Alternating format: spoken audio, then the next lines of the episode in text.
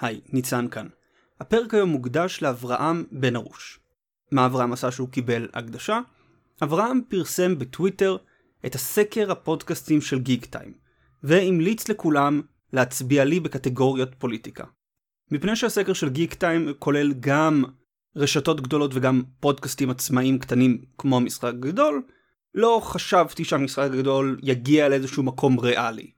למען האמת, אני גם לא כל כך מתעניין בזה. לא יצרתי את המשחק הגדול כדי שיהיה פודקאסט פופולרי. גם בגלל שהתוכן שלו מורכב וגם בגלל שהתדירות שלו לא בדיוק מתאימה לפודקאסט פופולרי כמו הפודקאסטים היומיים או השבועיים שמתפרסמים בארץ.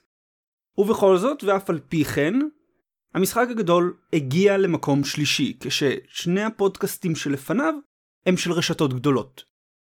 אז לפני שידעתי על ניצחון, הבטחתי לאברהם שאם המשחק הגדול ינצח, אני אקדיש לו פרק. אז אברהם, תודה לך על האמון, ואני רוצה גם להודות לכם, המאזינים והעוקבים, שהחלטתם להצביע על המשחק הגדול, ונתתם לי את המקום השלישי שמבחינתי הוא מקום ראשון. תודה לכם, והאזנה נעימה.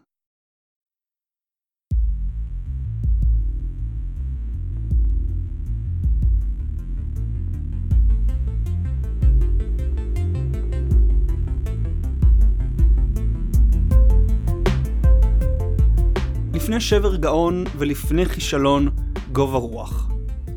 סיימנו את הפרק הקודם בנקודת השיא של הרגע החד קוטבי האמריקני. ארצות הברית בטוחה בעצמה ובערכיה, מאמינה שההיסטוריה הגיעה לקיצה. את החישובים הגיאופוליטיים והלוגיקה של מאזני כוח היא החליפה בתיאוריית הקשתות המוזבות של תומאס פרידמן, שבין שתי מדינות עם סניפי מקדונלדס לעולם לא תהיה מלחמה. תחרות כלכלית תחליף את התחרות הצבאית והעולם ינוהל על ידי דמוקרטיות ליברליות עם שוק חופשי. שגשוג כלכלי יביא לשלום עולמי. זה לא קרה. אנחנו יודעים שזה לא קרה משום שאנחנו חיים בעולם שנשלט עדיין על ידי מלחמה, על ידי תחרות לכוח, בין וושינגטון ובייג'ין, בין וושינגטון ומוסקבה וכדומה. מדוע העולם של קץ ההיסטוריה לא יתממש? משום שדווקא כאשר איומים חדשים הופיעו נגד הסדר האמריקני, ארצות הברית קיבלה על עצמה אימפריום שני נגד אויב מרושע אך משני בחשיבותו לסדר העולמי. הטרור האסלאמי. בפרק היום נכיר את האימפריום השני של ארצות הברית, ואיך פיגועי ה-11 בספטמבר באמת שינו את מהלך העולם. בואו נתחיל.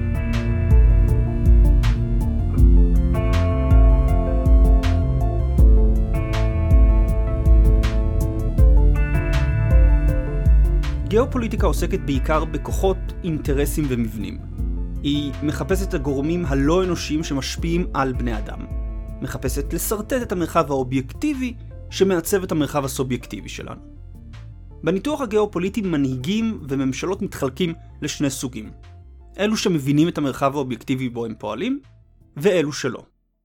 אוטו פון ביסמרק, לדוגמה, קאנצלר הברזל של האימפריה הגרמנית, הבין שגרמניה נתונה בעמדה בעייתית בלב אירופה. מאיימת על היבשת ומאוימת ממנה. וילהלם השני, הקייזר שפיטר את ביסמרק, לא הבין שמדיניות כוחנית לא תביא את אירופה לכרוע ברך בפני גרמניה, אלא תיצור קואליציה נגדה.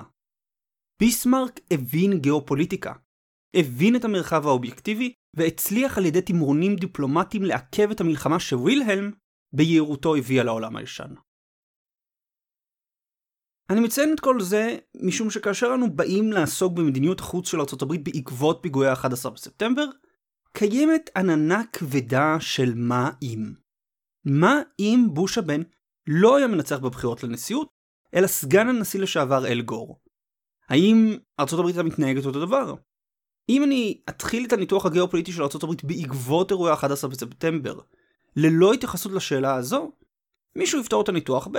בסדר, אבל אם גור היה נבחר, הכל היה שונה. טוב, לא. לא סביר לפחות. כשבוש ואל גור התמודדו זה מול זה במרוץ לנשיאות בשנת 2000, הבעיות הבוערות היו ביטוח לאומי, חינוך והמצב המוסרי של החברה האמריקנית, בעקבות המעשים של הנשיא קלינטון. לא בוש ולא גור עסקו באופן נרחב באיום הטרור על ארצות הברית, או בשאלת מקומה של ארצות הברית בעולם של אחרי המלחמה הקרה. וושינגטון בסוף שנות ה-90 הייתה וושינגטון של הרגע החד קוטבי וקץ ההיסטוריה. רוב הממסד הפוליטי, ודאי המועמדים בשתי המפלגות לנשיאות, היו מחויבים לתזה של מנהיגות אמריקנית והגדלת הגלובליזציה. קחו לדוגמה את התיאור הזה של גור במאמר של ג'ייקוב היילבורן מקיץ 2000. מדיניות החוץ של הנשיא גור. קשר אינטימי קיים בין התמיכה של גור בשימוש בכוח במדינות זרות והדבקות שלו בסוגיות סביבתיות. גור הוא נץ ליברלי. ווילסוני מחויב עמוקות הרוצה לשנות לא רק אומות, אלא את האנושות עצמה. סוף ציטוט. נץ ליברלי מה נץ ליברלי היה עושה מול איום פונדמנטלי כמו אל-קאעידה? או קחו דוגמה אחרת. לאחר נאום ציר הרשע של בוש, גור תמך בחלוקה הקטגורית שהציע בוש של אנחנו והם, וסימון של עיראק כחלק מציר הרשע. יש משהו טוב בלהניח מדי פעם את הדיפלומטיה בצד, ולשים את הקלפים על השולחן. יש ערך בלקרוא לרוע בשמו. גם אם אנו נותנים עדיפות בראש ובראשונה להרס רשתות הטרור, וגם אם נצליח, עדיין יש ממשלות שעלולות לגרום נזק גדול, ויש טיעון ברור שאחת מאותן ממשלות מייצגת קטגוריה משל עצמה כאיום הרסני במיוחד. עיראק. כדאי שסגירת חשבון סופית עם הממשלה הזאת תהיה על השולחן. עם גור ועם בוש, התגובה של ארה"ב כנראה הייתה זהה. הניתוח היום מתמקד לא בבוש הבן כאדם, כאישיות, אלא בתגובה המערכתית של ארה"ב לפיגועי ה-11 בספטמבר. המטרה שלנו בפרק היום היא להבין מדוע קץ ההיסטוריה לא הגיע, מדוע הציפייה של ארה"ב בסוף שנות ה-90 לעידן שלום חדש שיבוא על בסיס פיתוח כלכלי לא הגיע. ואנחנו מתחילים מיד אחרי ההודעה הבאה.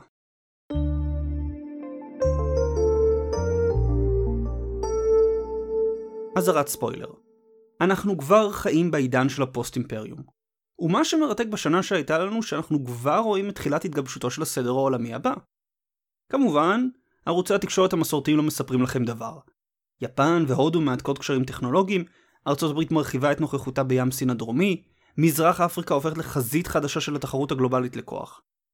יש לכם אבל מקום בו אתם יכולים לראות את התמונה הגדולה, להבין את השינויים שעוברים על עולמנו. פלג, מועדון המנויים של המשחק הגדול. בואו ליהנות מניתוח שבועי, חברות בקבוצת הפייסבוק הסגורה של המועדון, אירועי לייב ועוד. בואו למקום היחיד שלא רק מדווח לכם על העולם, ועושה עבודה הרבה יותר טובה מרוב אתרי החדשות, אלא גם מסביר לכם מה קורה בעולם ומה המגמות ארוכות הטווח. כי בעידן הכאוטי שלנו, ידע הוא כוח. ידע הוא הזדמנות. אז בואו והצטרפו. קישור לעשיית מנוי בהערות הפרק.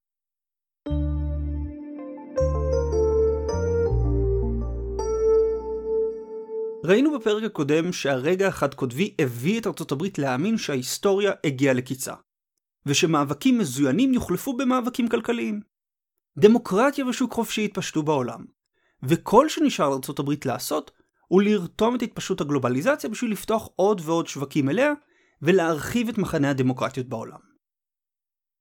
אם נשתמש במערכת שלוש הצירים שהצעתי למדיניות החוץ של הברית, הרי שהרגע החד קוטבי בעצם שחרר את הציר הליברלי גם מהציר הבדלני וגם מהציר הריאליסטי.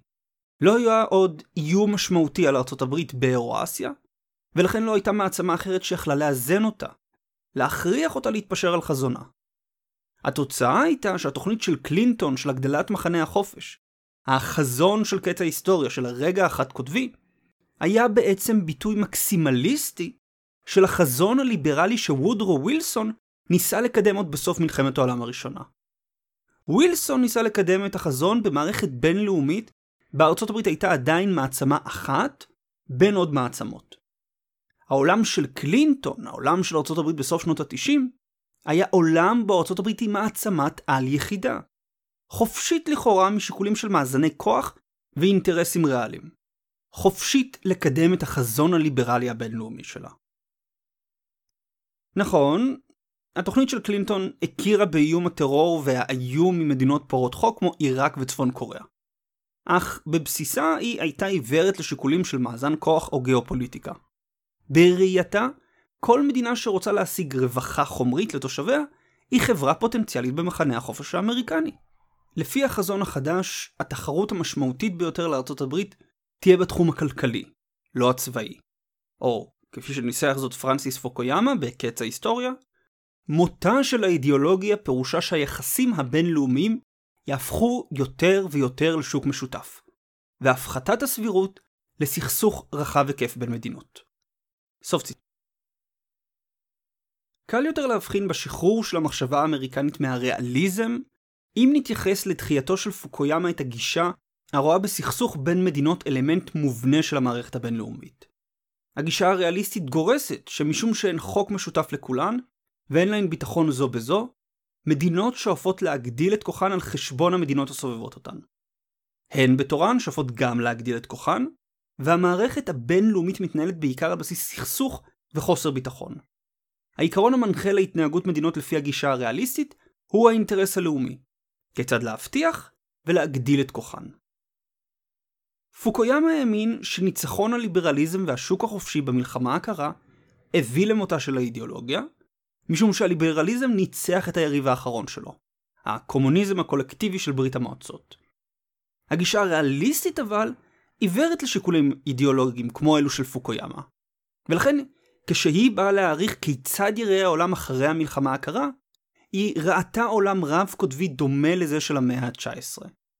האינטרס הלאומי של מדינות לא השתנה אחרי המלחמה הקרה. ולכן, לפי הגישה הריאליסטית, לא סביר שההתנהגות שלהן תשתנה. פוקויאמה מביא כדוגמה לקו הטיעון הזה מאמר של צ'ארלס קראוטהמר, שהסביר אחרי נפילת ברית המועצות שרוסיה תשוב להתנהגותה במאה ה-19. לפי קראוטהמר, האינטרס הלאומי של רוסיה לא השתנה, ולכן התנהגותה לא תשתנה. לפי פוקויאמה, האידיאולוגיה של רוסיה תשתנה, ולכן גם בהכרח ההתנהגות שלה תשתנה. מי צדק? קשה להגיד. מצד אחד ברור שהתחזית שרוסיה תחזור להתנהג כמו הצערות במאה ה-19 הייתה נכונה. רוסיה של פוטין היא רוסיה מחפשת להשתלט מחדש על הפריפריה שלה בשביל להגן על הלב הכלכלי והדמוגרפי שלה במישור הרוסי. השתלטות אגב לא אומרת בהכרח כיבוש צבאי.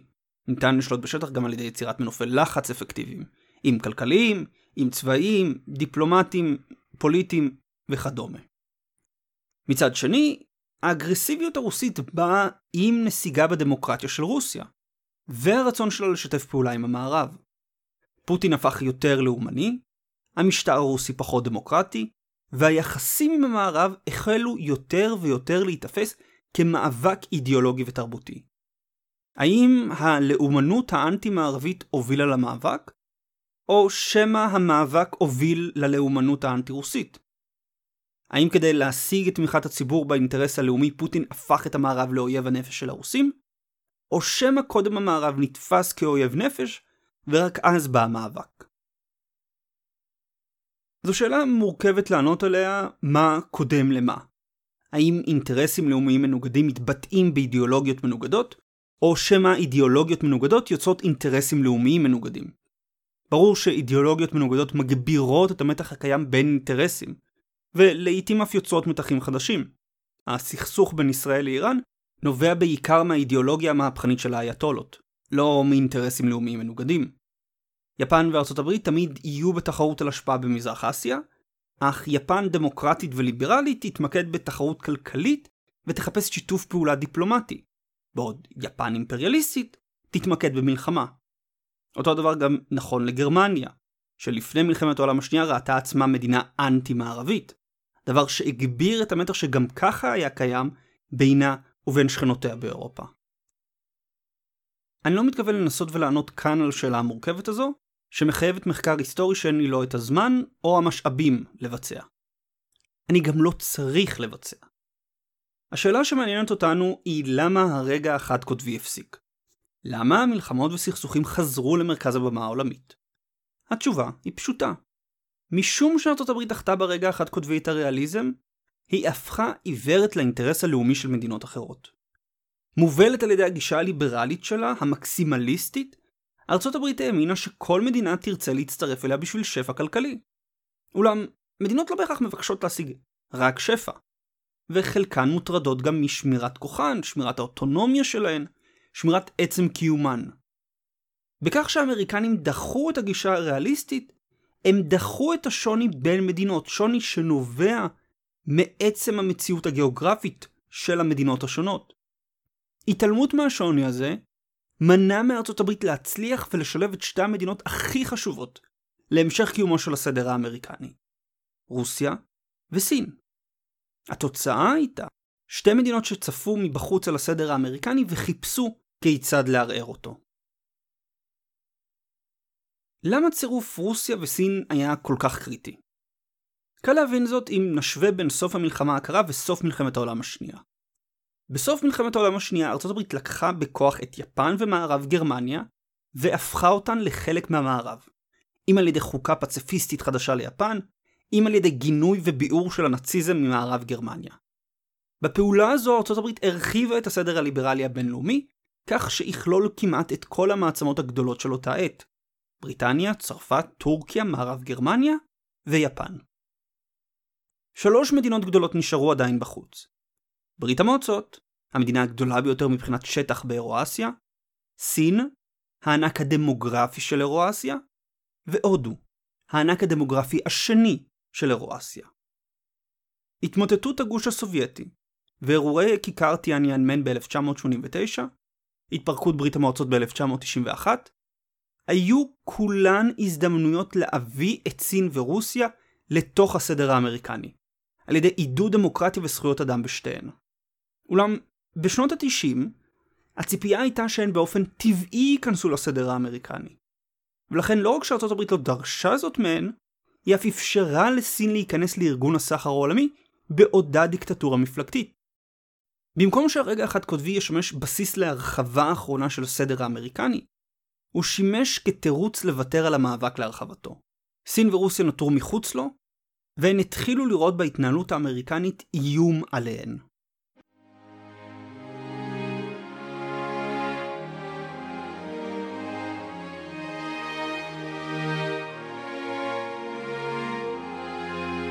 הרגע החד קוטבי הביא את ארצות הברית להתנהל במזרח אירופה ללא התחשבות באינטרסים הרוסים. מאמינים שרוסיה איבדה את כוחה הצבאי והכלכלי להשפיע על מדיניות המערב, עיוורים לאינטרס הלאומי הרוסי, ממשל קלינטון וממשל בוש אחריו הרחיבו את נאט"ו לתוך מזרח אירופה, תמכו דיפלומטית בהפיכות צבע בעלות סנטימנט אנטי-רוסי, וממשל בוש פרש מהאמנה נגד טילים אנטי-בליסטיים ב-2002. גם ממשל רוסי דמוקרטי היה מתקשה להשלים עם המהלכים האלו שפגעו במרחב הפעולה של מוסקבה, והיה מחפש כיצד לאזן מחדש מול ארצות הברית. ממשלו של פוטין, שעלה על רקע הכאוס של שנות ה-90 שקושר לניסיון כושל במודלים מערביים, ראה בצעדים כאלו איום על רוסיה וזלזול בה. המלחמה בטרור של בוש וההכרזה על קידום הדמוקרטיה בעולם רק הוסיפו מתחים. הפלישה לאפגניסטן הציבה כוחות אמריקנים במזרח אסיה, בבטן הרכה של רוסיה. הפלישה לעיראק הסירה לקוח של נשק ותמיכה רוסית במזרח התיכון. יועצים אמריקנים החלו ב-2002 לאמן כוחות גיאורגים בקווקז, וכוחות אמריקנים הוצבו במדינות מרכז אסיה. לאט לאט רוסיה ראתה כיצד ארצות הברית מקיפה אותה בכוחות צבא, ומתעלמת מעמדתה בנושאים כמו עצמאות קוסובו, תוכנית הגרעין האיראנית, או הרחבה נוספת של נאט"ו מזרחה. כל ממשל רוסי, כל ממשל רוסי שמעוניין להבטיח את עצמאותה של רוסיה, היה מודאג מצעדים כאלו. ודאי ממשל כמו של פוטין.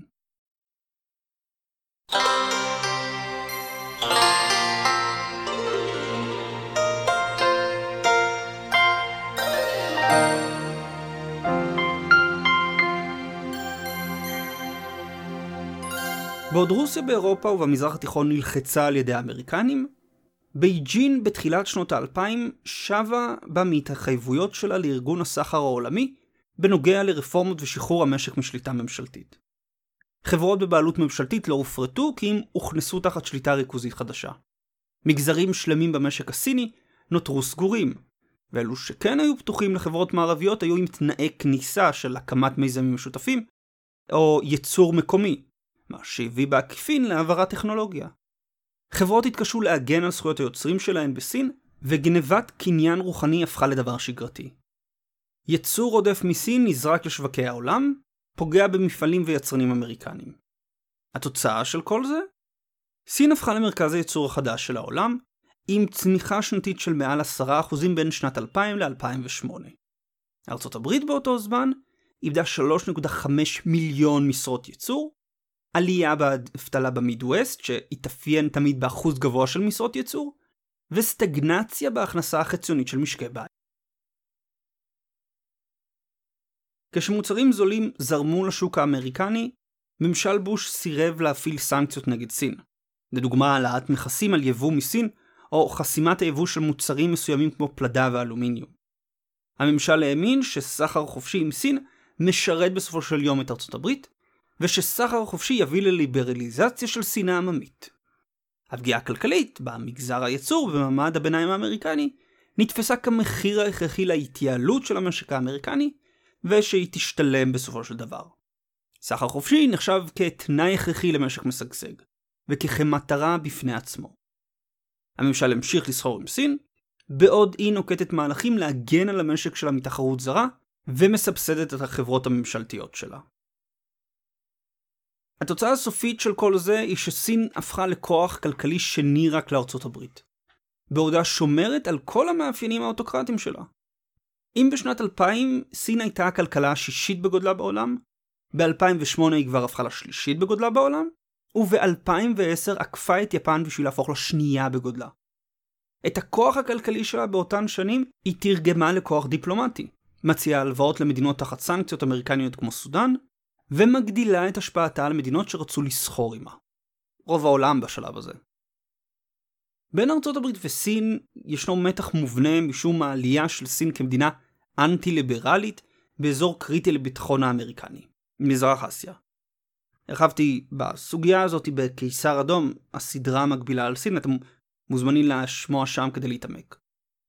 אם רוסיה רק החלה להיות מוקפת בכוחות אמריקנים בשנות האלפיים, סין כבר הייתה מוקפת למעלה מחצי מאה, עם בסיסים אמריקנים בדרום קוריאה, יפן, הפיליפינים, אוסטרליה וסינגפור.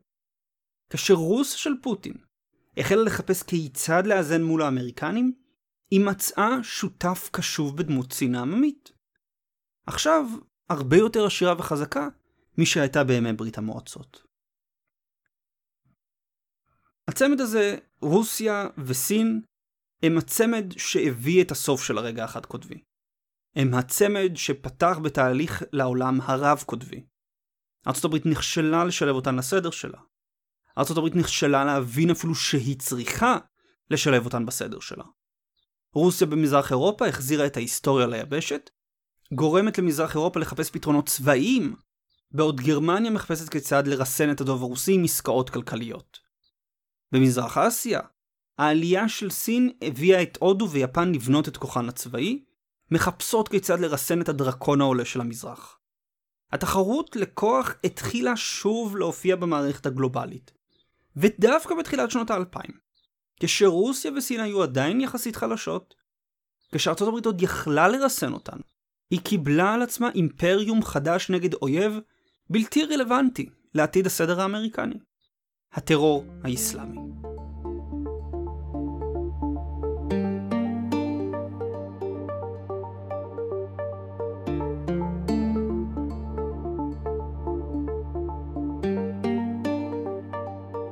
בניגוד למה שנוטים לחשוב, מתקפת הטרור של אל-קאעידה לא הפריחה את התזה של קץ ההיסטוריה.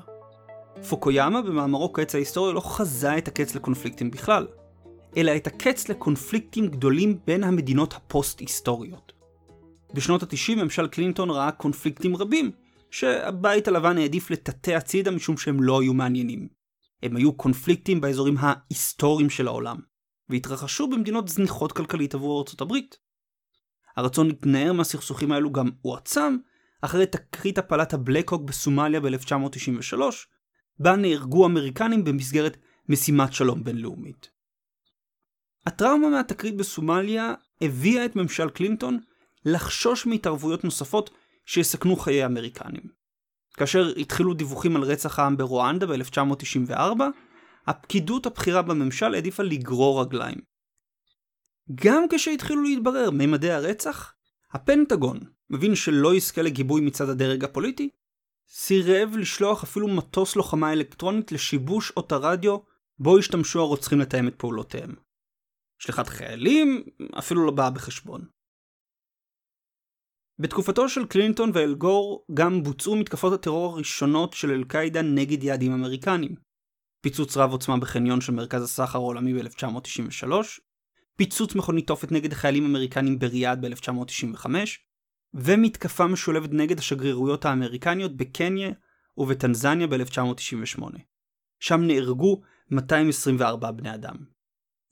המתקפות הביאו את ממשל קלינטון להכריז על טרור כאיום לאומי, לא רק כבעיה של אכיפת חוק, אך לא נעשה מאמץ מרוכז להרוס ארגונים כמו אל-קאעידה או ארגוני טרור אחרים. טרור בהחלט היה סוגיה, אך סוגיה משנית. בקץ ההיסטוריה החשיבות הגדולה ביותר הייתה להסכמי סחר והרחבת הגלובליזציה. רבים ציפו שהטרור פשוט ייפטר מעצמו עם הצמיחה הכלכלית. המתקפה על מרכז הסחר העולמי ב-2001 לא שינתה את התפיסה שההיסטוריה הגיעה לקיצה, שפיתוח כלכלי יביא לפתרון בעיות האלימות בעולם. המתקפה פשוט הראתה שהעולם ההיסטורי הוא עדיין איום על העולם הפוסט-היסטורי. שהעולם ההיסטורי יכול להושיט את ידו ולפגוע בעולם הפוסט-היסטורי בליבו. אחרי ה-11 בספטמבר, טרור כבר לא היה בעיה משנית, וארצות הברית לא יכלה עוד להמתין שהשבטים הנלחמים של אפגניסטן יגלו את הגלובליזציה. מה שנדרש עכשיו הוא להביא את סוף ההיסטוריה אליהם. דוגמה מעולה לאיך ההבנה הזאת תורגמה לגישה גאו-אסטרטגית חדשה-ישנה, חדשה כי האיום חדש, ישנה כי היא דומה לחלוקה בימי המלחמה הקרה, הוא מאמר של תומאס ברנט, גאו-אסטרטג צבאי, ממרץ 2003 בשם המפה החדשה של הפנטגון. ברנט קידם בתחילת המלחמה בטרור תיאוריה גאו-אסטרטגית חדשה לעולם. כזו שנועדה לסמן מי האיומים הכי גדולים על ארצות הברית, ומה צריכה להיות אסטרטגיית העל החדשה שלה.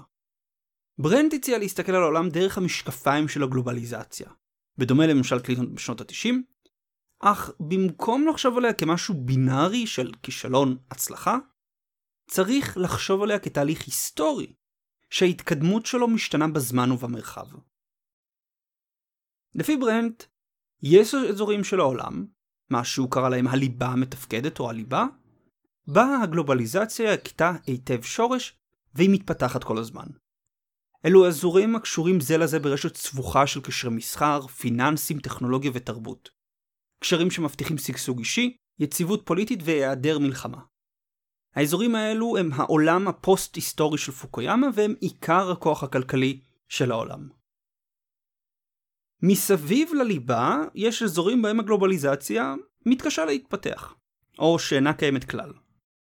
אלו אזורים מבודדים משרשראות הייצור והידע הגלובליות, אזורים בהם הפיתוח הכלכלי נמוך וכן הפיתוח האנושי.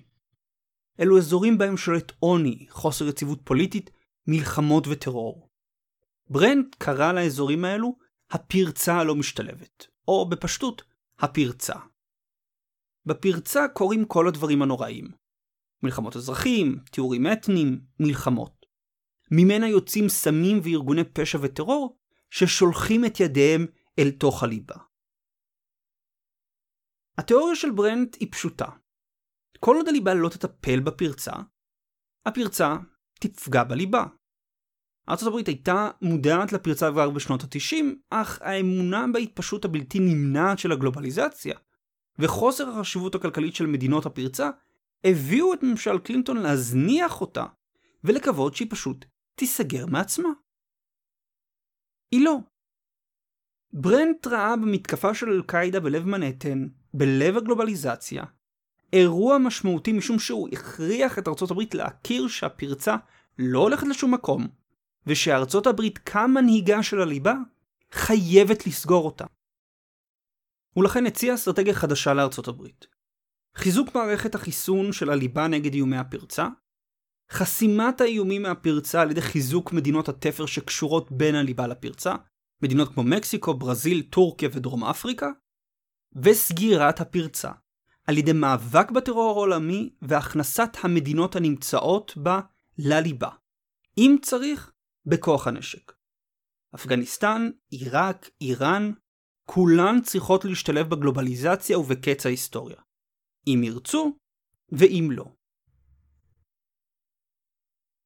המעניין הוא שהחלוקה הגאו-אסטרטגית של ליבה מול פרצה חפפה עם החלוקה המוסרית שהעם האמריקני החל לעשות בין אנחנו והם. אנחנו הטובים, אוהבי החופש, והם הרעים תומכי העריצות. כמו במלחמה הקרה אחרי ה-11 בספטמבר, ארצות הברית ראתה את עצמה במאבק מוסרי חדש של טוב מול רוע. את הקומוניזם האתאיסטי של ברית המועצות החליף האסלאם הפונדמנטלי, אך בבסיסה החלוקה נשארה זהה. דמוקרטיה מול רודנות, זכויות אדם מול דיקטטורה, שלום מול מלחמה, חופש מול כפייה. ביחד שתי החלוקות האלו, הגאו-אסטרטגית של ליבה מול פרצה, והמוסרית של טוב מול רוע, הגדירו את המאמץ האמריקני הגלובלי לעגן ולקדם את החירות בעולם מול הטרור. מה שהנשיא בוש קרא לו המלחמה בטרור. עכשיו, למה זה נשמע לנו כל כך מוכר? זה נשמע לנו מוכר כי אנחנו מכירים כבר פעם אחת בארצות הברית לקחה על עצמה להגן על החירות והדמוקרטיה. מחלקת את העולם למחנה הטוב ומחנה הרוע. האימפריום הראשון, בו ארצות הברית קיבלה על עצמה לבלום את הסובייטים. המלחמה בטרור של בוש היא האימפריום השני. קל לראות את הסימנים של אימפריום כבר בנאום של הנשיא בוש בפני שני בתי הקונגרס ב-20 בספטמבר 2001. ראשית, היו לנו בנאום הזה את החלוקה בין אנחנו והם, החלוקה המוסרית. אמריקנים שואלים למה הם שונאים אותנו. הם שונאים את מה שהם רואים כאן בחדר הזה. ממשלה שנבחרה באופן דמוקרטי. המנהיגים שלהם מונו על ידי עצמם. הם שונאים את חירותנו, חופש הדעת שלנו, חופש הביטוי, חופש ההצבעה וההתאספות והיכולת שלנו לחלוק זה על זה. ראינו את סוגם בעבר. הם יורשי כל האידיאולוגיות הרצחניות של המאה ה-20. על ידי הקרבת חיי אדם לשרת את החזונות הרדיקליים שלהם, על ידי נטישת כל ערך למעט הרצון לכוח, הם הולכים בדרך של הפשיזם, הנאציזם והטוטליטריות. והם ילכו בדרך היד לקבר הלא מסומן של שקרים שהושלכו על ידי ההיסטוריה. סוף ציטוט. לאחר מכן, יש לנו את הגדרת התוכן של האימפריום, את התפקיד החדש של ארצות הברית. הברית תיאבק בטרור העולמי, תיאבק במדינות התומכות בו, ותקדם את הערכים של חירות הפרט ודמוקרטיה ברחבי העולם. הברית תנהיג את העולם לעידן חדש של שגשוג. המלחמה שלנו בטרור מתחילה באל-קאעידה, אך היא לא מסתיימת שם. זה לא ייגמר עד שכל קבוצת טרור בהישג יד עולמי תימצא, תיעצר ותובס. האמריקנים שואלים איך נילחם וננצח במלחמה הזו.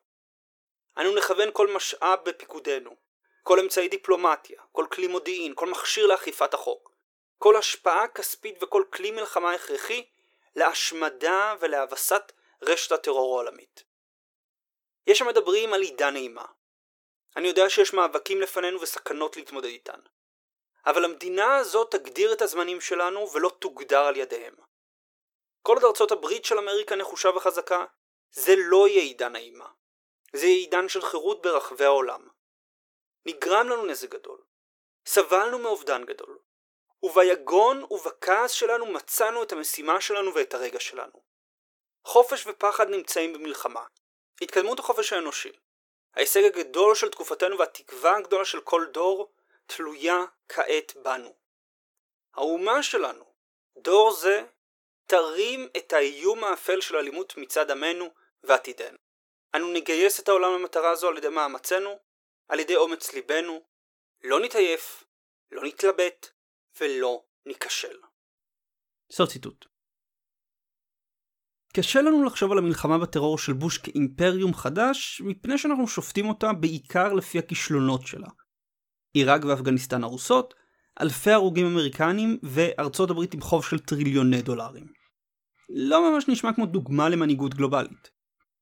אבל זה לא כל מה שממשל הבוש עשה. בו בזמן שארצות הברית יצאה למלחמה נגד אל-קאעידה באפגניסטן ונגד סדאם בעיראק, היא קידמה שורה של הסכמי סחר חופשי דיאלוג אסטרטגי עם סין והגדילה את סיוע החוץ של ארצות הברית מ-24 מיליארד דולר בשנת 2000 ל-54 מיליארד דולר בסוף הכהונה השנייה של בוש ב-2008. ארצות הברית תחת בוש הפכה לתורמת הגדולה ביותר למאבק באיידס ובמלריה.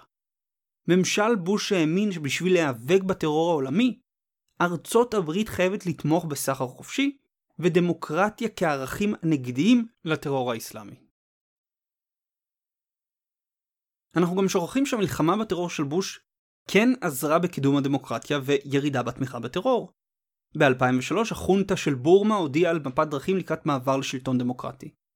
מנהיג לוב, קדאפי, תומך טרור ידוע וכאב ראש ארוך שנים של ארצות הברית, הסכים ב-2003 לפרק את תוכנית הנשק להשמדה המונית שלו, ולהפסיק את תמיכתו בטרור.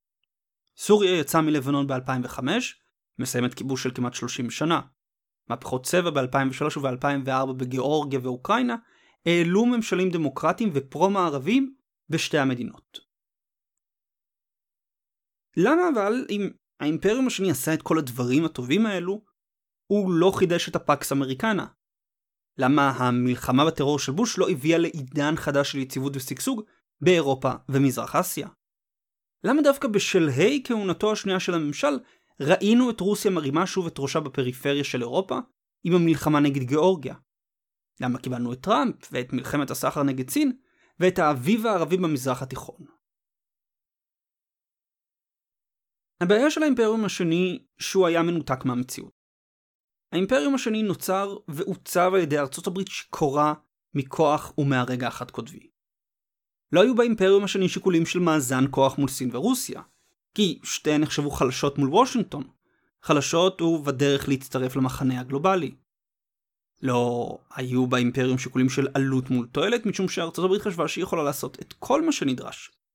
גם אם זה להפוך את אפגניסטן ועיראק לדמוקרטיות מערביות. לא היו בו אפילו שיקולים מינימליים של איך על הברית לנהוג כחברה בקהילה הבינלאומית. מעדיפה לפעול באופן חד צדדי, ללא הסכמה בינלאומית. האימפריום הראשון כוון נגד ברית המועצות, ועלה בקנה אחד עם המציאות הגיאופוליטית של אותו זמן. ברית המועצות הייתה איום יבשתי משמעותי על אירופה, המזרח התיכון ומזרח אסיה. וארצות הברית בלמה את האיום הזה על ידי הכנסת רוב המדינות המתועשות תחת המטריה הביטחונית שלה. משום האיום האדום מערב אירופה, מזרח אסיה והמפרץ הפרסי קיבלו את המנהיגות האמריקנית על עצמן. מעדיפות להיות במחנה האמריקני מלהיות לבדן מול האיום האדום. הפקס אמריקנה נוצר ונתן לנו עשורים של שגשוג כלכלי ויציבות ביטחונית, פחות או יותר, אם ארצות הברית פועלת ביחד עם בעלות בריתה לבלימת מוסקבה. האימפריום השני לעומתו כוון נגד ארגוני טרור והתעלם לחלוטין מהמציאות הגיאופוליטית. סין ורוסיה התחזקו והחלו לשתף פעולה. המלחמה בטרור של בוש הפחידה את שני המשטרים האוטוקרטיים, שרצו לאזן מול העליונות האמריקנית ולהבטיח שהם לא יהיו הבאים בתור לקידום הדמוקרטיה. בעוד הם בונים את כוחם והשפעתם, ארצות הברית השקיעה את מלוא משאביה בחורים שכוחי אל כמו אפגניסטן, עיראק, סומליה ופקיסטן. במלחמה הקרה, ארצות הברית שלחה את מיטב בניה להגן על המרכזים התעשייתיים של אירופה ומזרח אסיה.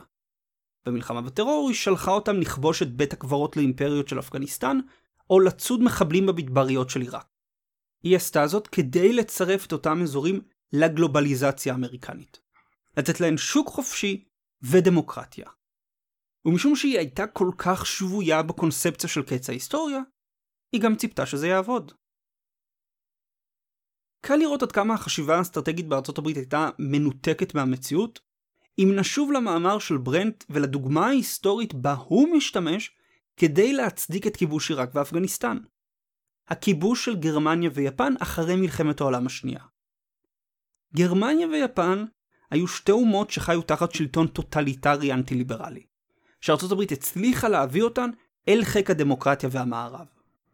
אם ארצות הברית הצליחה פעם אחת, כך לפי ברנט, מדוע שהיא לא תצליח פעם שנייה?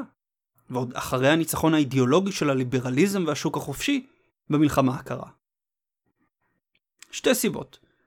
ראשית, יפן וגרמניה היו מדינות לאום מוגדרות לפני הכיבוש האמריקני. יפן חוותה כ-300 שנים של בידוד מהעולם ושלטון מרכזי שעיצב אותה כאומה אחת. גרמניה הייתה אומה מאוחדת כמעט 80 שנה לפני הכיבוש האמריקני, עם היסטוריה תרבותית משותפת ומובדלת בת מאות שנים. אפגניסטן ועיראק לעומתן היו שתי מדינות בהן הזהות הלאומית הייתה חלשה יותר מהזהות התת-לאומית של השבטים והחמולות, והזהות העל-לאומית של האסלאם והערביות. שנית, לגרמניה ויפן הייתה סיבה מאוד טובה להצטרף למחנה המערבי, ברית המועצות. זו נקודה שעמדנו עליה בפקס אמריקני וחשוב לחזור עליה. מדינות המחנה המערבי קיבלו את ההנהגה האמריקנית והיו מוכנות להפסיק להילחם זו בזו, משום שפחדו מהסובייטים. לטוקיו וברלין לא הייתה אפשרות אחרת אלא לפנות לוושינגטון מול הכוח האדיר של מוסקבה. אפגניסטן ועיראק לעומת זאת, גם אם היו מדינות לאום מוגדרות, לא היו נתונות לאומה של מעצמת על אגרסיבית על סף דלתן. גם אם ארצות הברית הייתה מצליחה להקים בהן דמוקרטיות יציבות, הן היו פונות להתרחק מהאמריקנים ולאזן בין וושינגטון ובין המדינות האחרות סביבן. עיראק מול רוסיה, איראן וערב הסעודית, אפגניסטן מול איראן, רוסיה, סין, פקיסטן והודו. גם אם ארצות הברית הייתה מצליחה בבניית המדינות האלו, הן היו מתרחקות ממנה. אז למה מלכתחילה להשקיע משאבים רבים כל כך בלבנות אותן? וושינגטון קיוותה שאפגניסטן, ויותר מזה עיראק דמוקרטית, תביא לשינוי בדינמיקה של המזרח התיכון. מפרצה שחווה אלימות ועוני, עיראק תיכנס אט אט לתוך הליבה של הגלובליזציה. עיראק חופשית תהיה מערבית, תהיה יציבה, תהיה בשורה חדשה לאומה הערבית. בתפיסה של קץ ההיסטוריה, תחרות לכוח נובעת מתחרות אידיאולוגית. בתיאוריה של קידום הדמוקרטיה של בוש, אלימות נובעת מפגיעה בחירות. כפי שהוא עצמו אמר בנאום מה-6 בנובמבר 2003 על מדיניות החוץ של המערב במזרח התיכון, 60 שנה של תמיכה בדיקטטורות לא הביאו ליציבות, משום שיציבות אינה יכולה לבוא על חשבון חירות. סוף ציטוט. עיראק חופשית תהפוך את המזרח התיכון לחופשי, והוא בתורו יהיה יציב יותר ושלב יותר. ההנחה הסמויה של בוש, של ברנט, של כל האליטה הפוליטית של ארה"ב באותו זמן, הייתה שמדינות יכולות להפוך לדמוקרטיות מערביות אם רק ייתנו להן את הכלים. שהדמוקרטיה היא אוניברסלית, שהמודל האמריקני הוא אוניברסלי.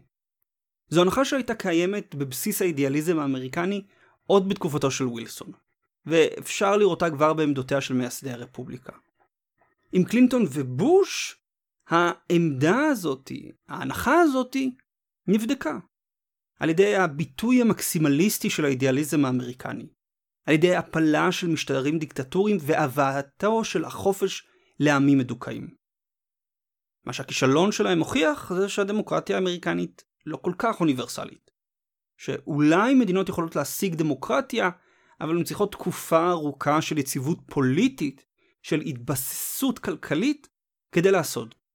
העניין אבל שהכישלון של בוש לא רק הוכיח למקבלי ההחלטות בוושינגטון שיש בעיה עם ההנחה שלהם לאוניברסליות, אלא שעל ידי הצעדים של המלחמה בטרור, במיוחד על ידי המלחמה בדיקטטורה העיראקית, המלחמה בטרור של בוש לא רק פגעה בכוחה של הברית, ונתנה לסין ולרוסיה להתחזק, אלא גם עשתה משהו חמור יותר. היא פגעה אנושות בסדר הליברלי הבינלאומי.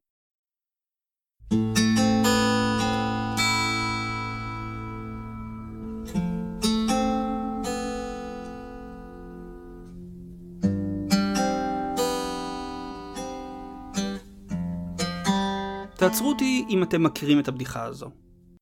הדוב והאריה מחליטים לתת מכות לארנב. מה ההצדקה שניתן לזה? שואל האריה. נלך אליו, נראה אם יש לו כובע או אם אין לו. אם יש לו, נצעק עליו למה יש לו כובע וניתן לו מכות.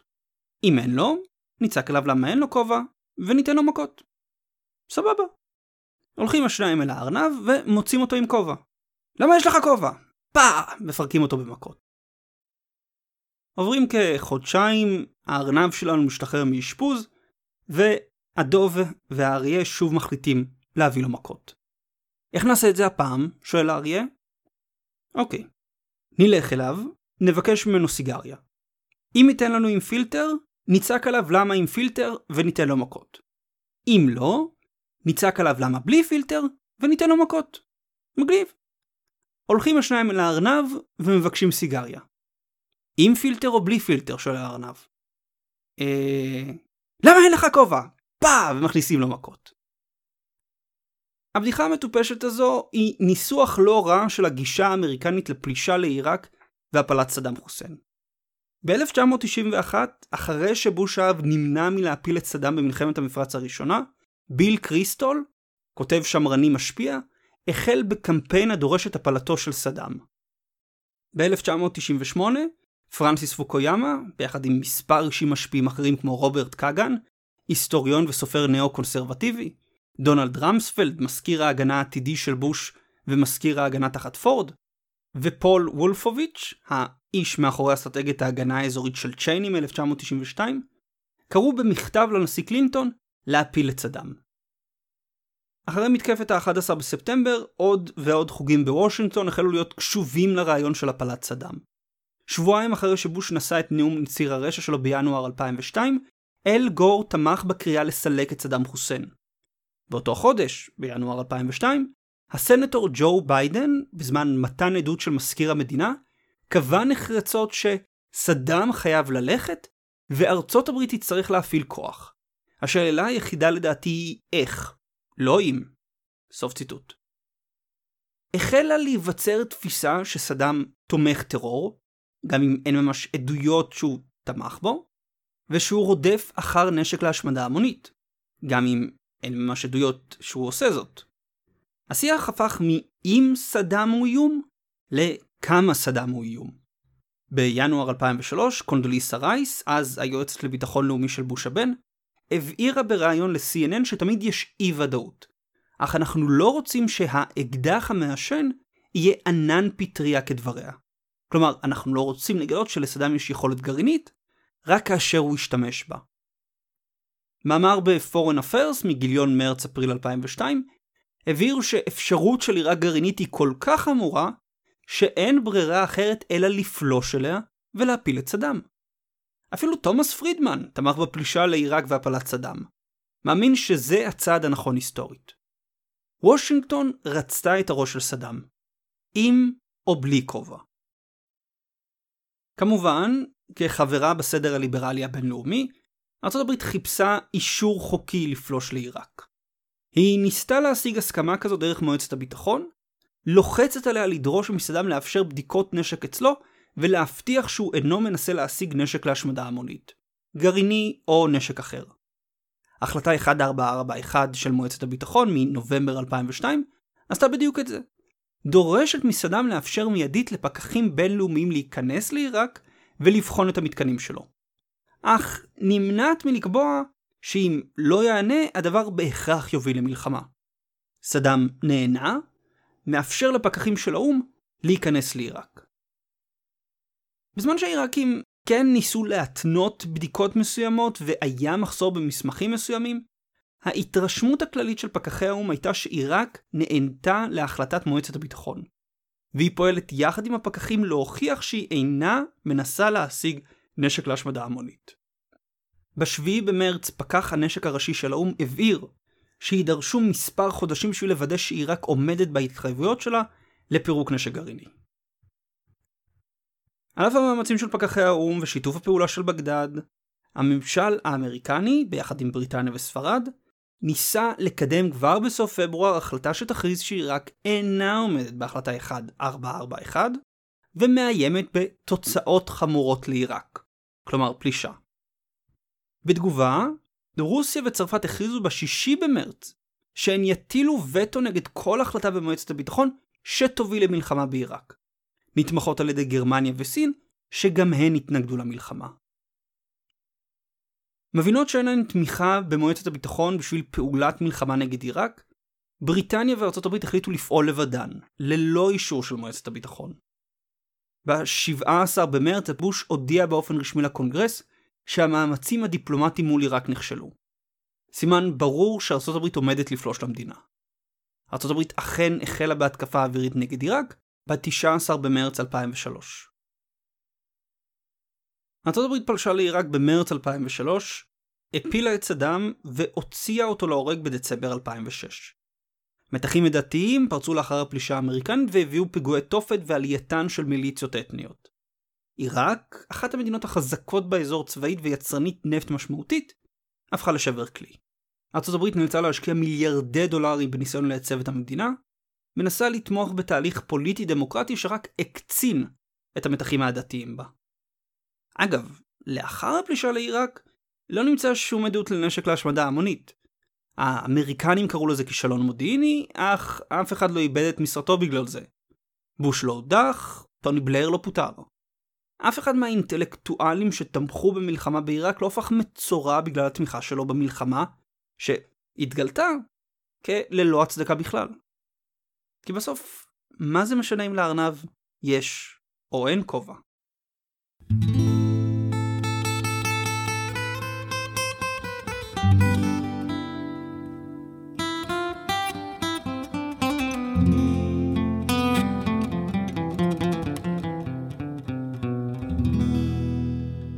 למה אני מספר לכם את זה?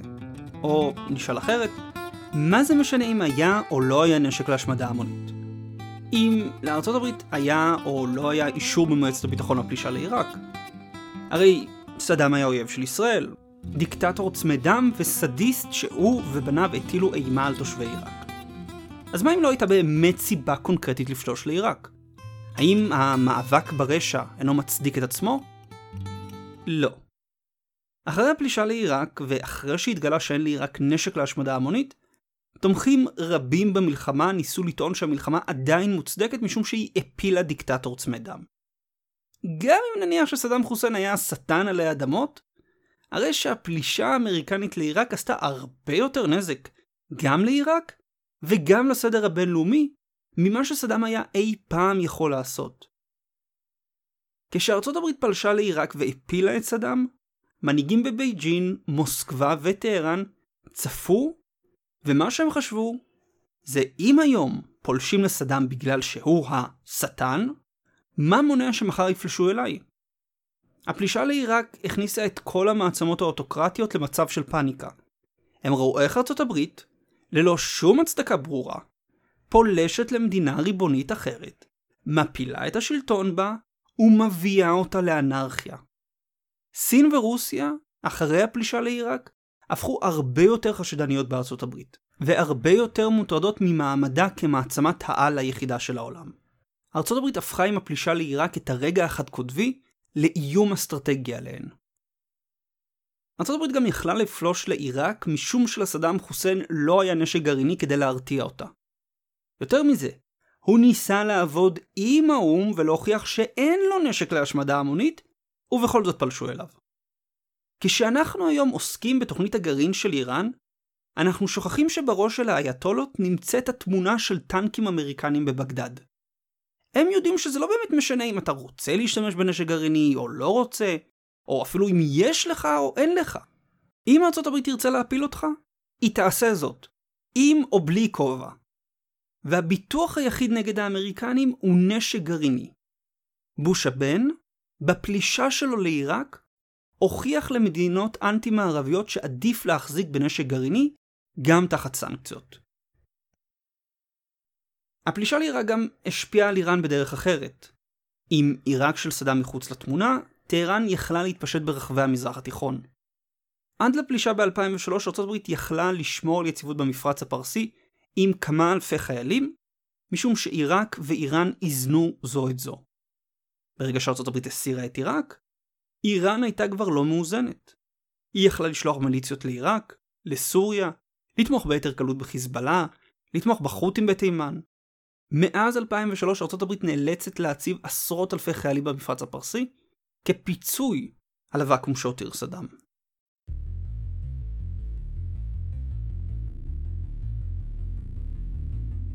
הפלישה לעיראק הייתה טעות, והיה ברור שהיא תהיה טעות עוד לפני שהפצצה הראשונה הוטלה. עיראק שימשה כאיזון לאיראן. עיראק לא הייתה עם איזו זהות לאומית יציבה. ועם שחי כל כך הרבה שנים תחת דיקטטורה, לא יהפוך בתוך שנה למי שיכול לנהל דמוקרטיה. האמריקנים השקיעו את המאמצים שלהם בעיראק ואפגניסטן מתוך אמונה שברגע שהן ישתנו, כל המזרח התיכון ישתנה. הם תפסו את זה כמאמץ הלאומי שלהם, כקריאה הגדולה של הדור. להיאבק בטרור ולקדם את החופש והדמוקרטיה.